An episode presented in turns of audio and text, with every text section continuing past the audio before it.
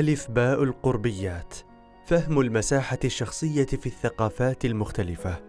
روجر كروز وريتشارد روبرتس. قد لا ينتبه معظم الناس للأمر إذ إنه يحدث بعفوية وتلقائية إلا أن المسافة الجسدية التي تبقيها بينك وبين الآخرين ليست عشوائية ويرجع ذلك بنسبة كبيرة إلى المكان الذي نشأت فيه والشخص الذي تتحدث إليه. وإضافة إلى ذلك فإن هذه المسافة تختلف من ثقافة إلى أخرى. لنفرض موقفا التقيت فيه بإحدى معارفك في الشارع وتوقفت لسؤالها عن عملها الجديد فستختار دون وعي أن تقف على مسافة محددة ثقافيا منها. بالنسبة للأمريكيين فإن محادثات الرصيف العابرة هذه ستكون مربكة لو كانت على مقربة. بحيث لا يفصل بين الشخص والآخر سوى مسافة بوصتين أو أقل بينما في بلدان أخرى فإن الموقف سيبدو غريبا إن وقفت على مسافة عدة ياردات أثناء الحديث ورفعت صوتك ليسمعك الطرف الآخر. في المثال الأول قد يتراجع الشخص الذي تتحدث إليه ويوسع المسافة بينكما، بينما في المثال الثاني قد يتخذ خطوة لتقليص المسافة أثناء الحديث. اتضح أن مسألة مقدار المسافة التي نتركها بيننا هذه لها مصطلح وهو القربيات بروكسيمكس. ويمكن تعريفه بأنه مقدار المسافة التي يحافظ عليها الفرد بتأثير من ثقافته. صاغ المصطلح إدوارد هال عام 1966 وهو أحد جوانب التواصل غير اللفظي. وقد أجرى هال مقابلات مع عدد كبير من الأشخاص من جميع أنحاء العالم لمعرفة ما إذا كان هناك انتظام في المسافة الشخصية إذ قد تكون المسألة متعلقة بالخصوصية الشخصية وتندرج تحت الاختلافات الفردية. ربما يتذكر معجب مسلسل ساينفيلد الأمريكي الحلقة التي يظهر فيها صديق إيلين الجديد الذي يلعب دوره القاضي رينهولد ويتم وصفه على أنه متحدث عن قرب. المضحك في الحلقة هو الإرباك الذي تسببه هذه الشخصية للشخصيات الأخرى وبلغ ذروته في المشهد الذي يتراجع فيه كريمر للخلف بينما يقترب المتحدث عن قرب للحديث معه كما لو أنه يتفادى هجوما من نوع ما. لقد لاحظ هال ارتباطا في ذلك مع مفهوم المسافة الشخصية. في الواقع فقد استخلص قياسات دقيقة للمساحات التي تحيط بجسم الفرد، لكننا سنستغني عن الأرقام هنا ونلخص المسافات الأربع للمساحة الشخصية التي قدمها. تسمى أقرب هذه المناطق بالمسافة الحميمية، وهي تتضمن ما يقع فيها اتصال جسدي كالعناق إلى الهمس لأحد المقربين.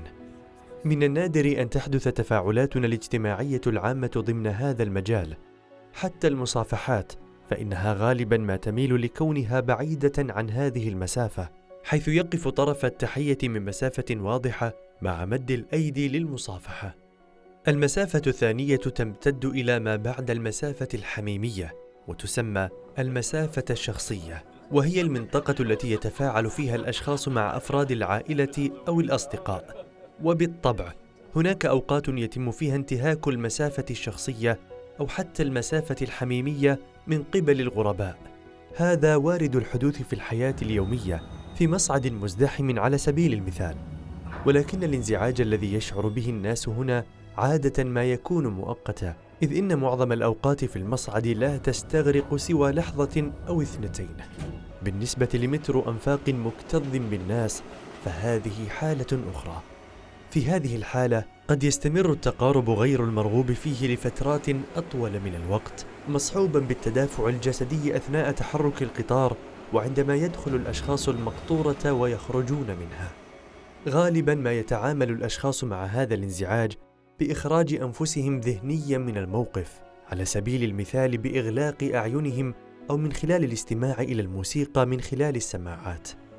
في طوكيو وسيول وريو دي جانيرو ومدن أخرى يوجد في قطارات الأنفاق مقطورات خاصة للنساء لتجنب انتهاك الرجال لمساحتهم الشخصية.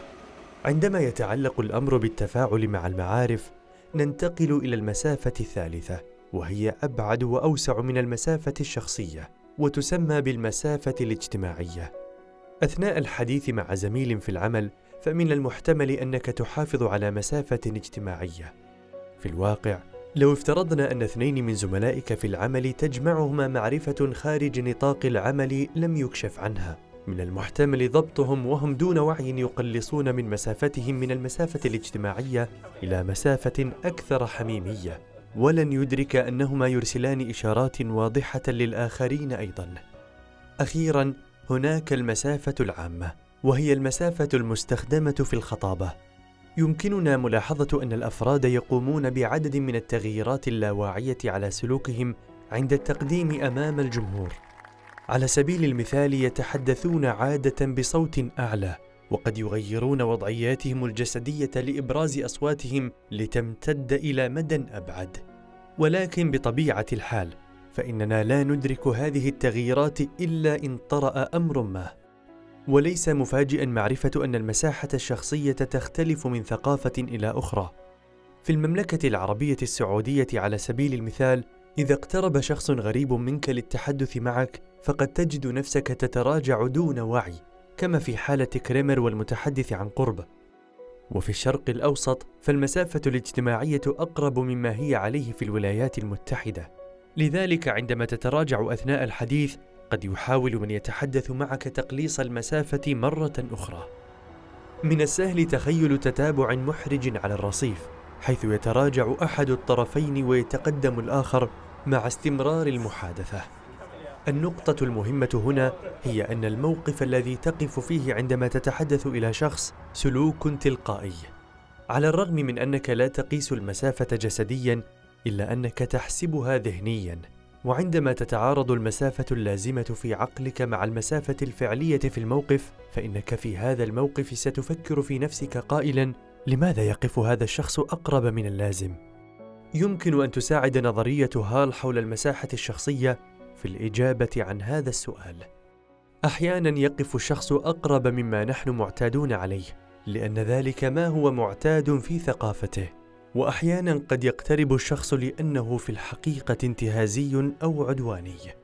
وينشأ سوء تفاهم بين الثقافات المختلفة عندما نفسر بعض التصرفات تفسيرا خاطئا على سبيل المثال قد نقرر أن شخصا ما انتهازي تفسير شخصي بدلا من إدراك أن فكرته حول المسافة الاجتماعية قد تكون مختلفة. تفسير ظرفي.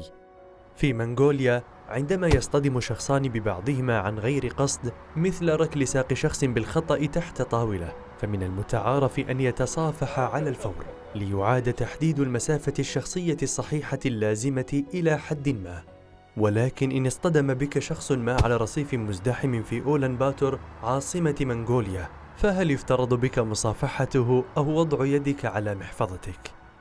للأسف فإن نظرية هال ليست ذات فائدة في مثل هذه المواقف. إذا كما هو مهم التنبه لتأثير العوامل الثقافية فمن المهم أيضا عدم المبالغة في تفسير كل شيء بها. والخلاصة أن معرفتك ووعيك بمفهوم القربيات والجوانب الثقافية المختلفة حول مسألة المساحة الشخصية قد تجعلك تفكر قبل اتخاذ خطوتين للخلف عندما يقتحم شخص ما حرفيا منطقة راحتك.